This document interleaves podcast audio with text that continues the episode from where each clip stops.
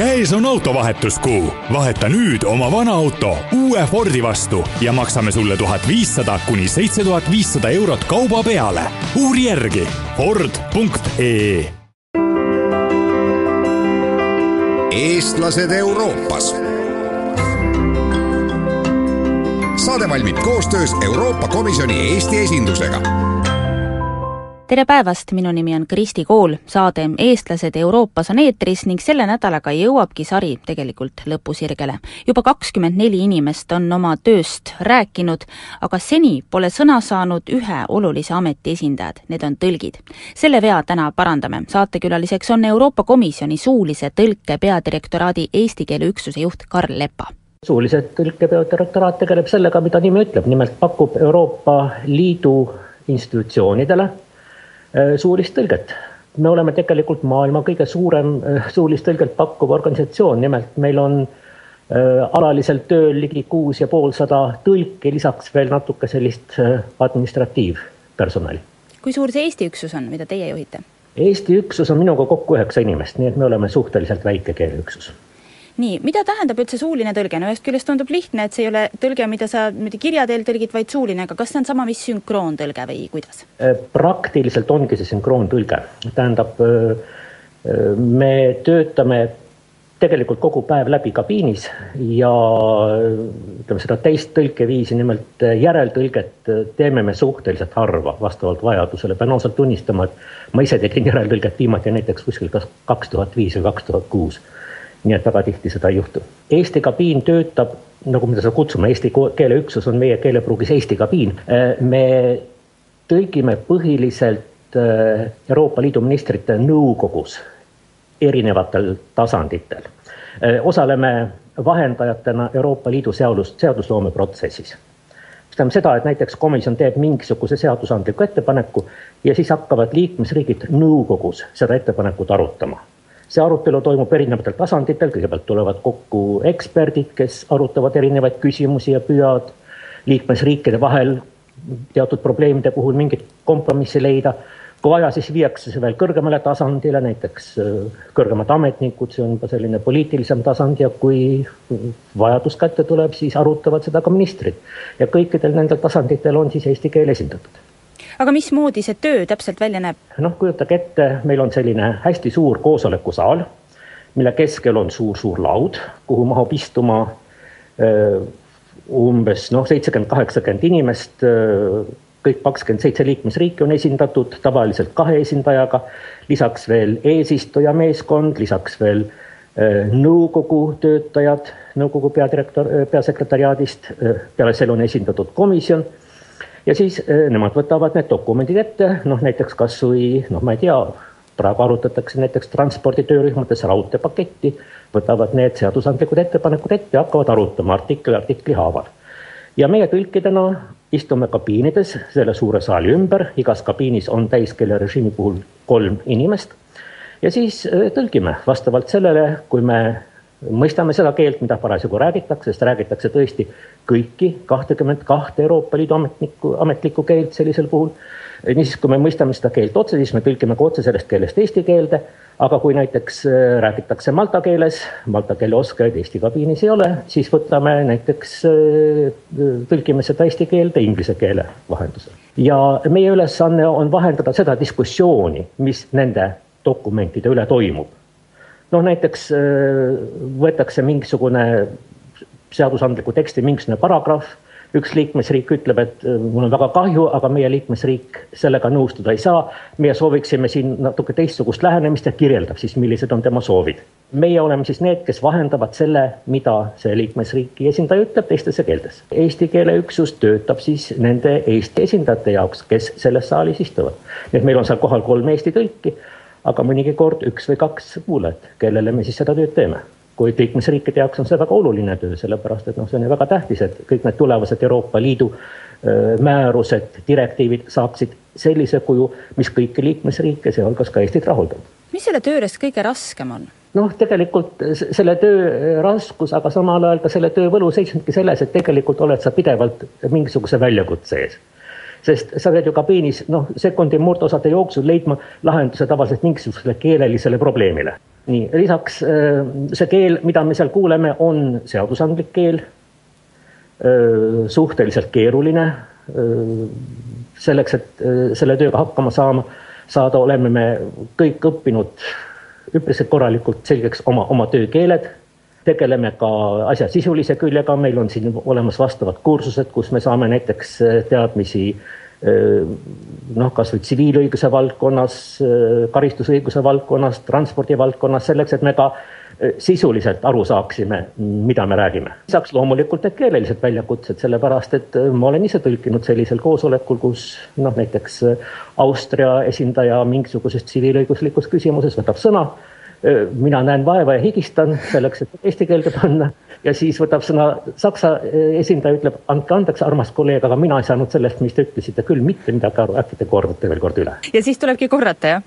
no siis loomulikult kordab austajale ja siis selgemaks teha ja eks ma siis sain antud korral nii-öelda teise katse no mõnikord, nagu te ütlesite, te kasutate mõnda teist keelt, et malta keelest otse ei tõlgi, läheb läbi inglise keele äh,, aga, aga kas on selliseid juhtumeid ka, kus, kus inimene räägib võib-olla nii segaselt ise seda keelt, et tema hääldusest on juba raske aru saada, mida ta tegelikult ütles? kui ma päris aus tohin olla, siis on see tegelikult praegu Euroopa Liidus järjest süvenev probleem, sellepärast et noh, kas me tahame või mitte, inglise keel järjest rohkem levib aga eks iga riigi, iga rahvuse esindaja räägib seda inglise keelt natukene omamoodi mm -hmm. ja õnnetumal kombel tulevad sinna sisse siis äh, tema häälduse iseärasused. Äh, äh, ilmselt ka erinevad konstruktsioonid võetakse oma emakeelest inglise keelde üle, semantikat, see on siis tähenduslikku külge hakkab see kõik mõjutama ja sellest võib kujuneda mõnigi kord suur väljakutse, noh asi võib minna nii kaugele, et me kõigepealt peame natukene kuulama, et aru saada, kas inimene räägib oma emakeeles või inglise keeles, ka seda on juhtunud. aga mis siis saab, kui tekib hetk, et ikkagi ei jõua seda tõlget teha, et, et jookseb nii kinni, et ma ei saa aru, mis ta ütleb, aga te peate kohe ju edastama teksti, et kas te siis peate, jõuate omavahel natuke nõu pidada või, või siis teil on mingid töövõtted, mida te kasutate, kui te, kui te päris kindel asjas ei ole? Äh, noh, kui ma päris kindel asjas ei ole, kõigepealt nagu juba öeldud, me oleme kabiinis kolmekesi ja kui juhtub näiteks, et mina tõesti millegipärast peaksin kinni jooksma, aga kõrval istub kolleeg, kes on suutnud samuti seda juttu jälgida, kes tunneb, et ta äh, võib-olla antud hetkel paremini hakkama saab, siis loomulikult võin ma kõigepealt tõlkejärje temale üle anda. Äh, aga teiseks, nagu ma ütlesin, on ka tõesti selliseid keerulisi kohti, kus on väga raske, aga noh, tõlgi ülesanne seisnebki selles, et vähemalt püüda seda sisu edasi anda, sellepärast et need inimesed, kes seal laua ümber istuvad, on tegelikult eksperdid.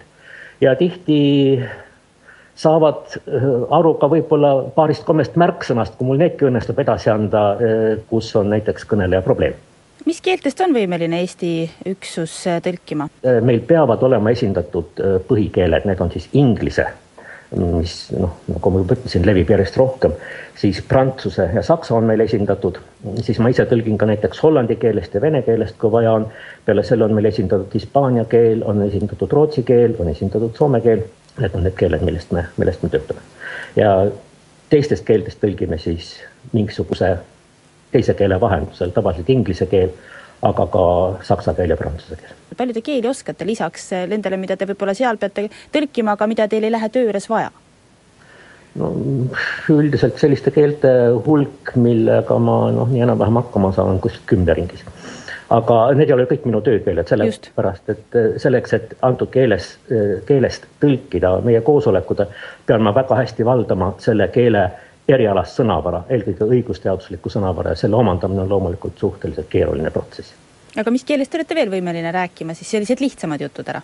noh, lihtsamad jutud, äh, no minu töökeelte kõrval äh, prantsuse keel ei ole mu töökeel, aga prantsuse keelega saan hakkama, rootsi keelega saan hakkama, äh, tänu rootsi keelega, keelele ka norra keelega kunagi olen õppinud jaapani keelt natukene, aga ma ei julge öelda, et ma väga hästi sellega, sellega praegu hakkama saaks kuna pole olnud eriti vajadust ja võimalust rääkida.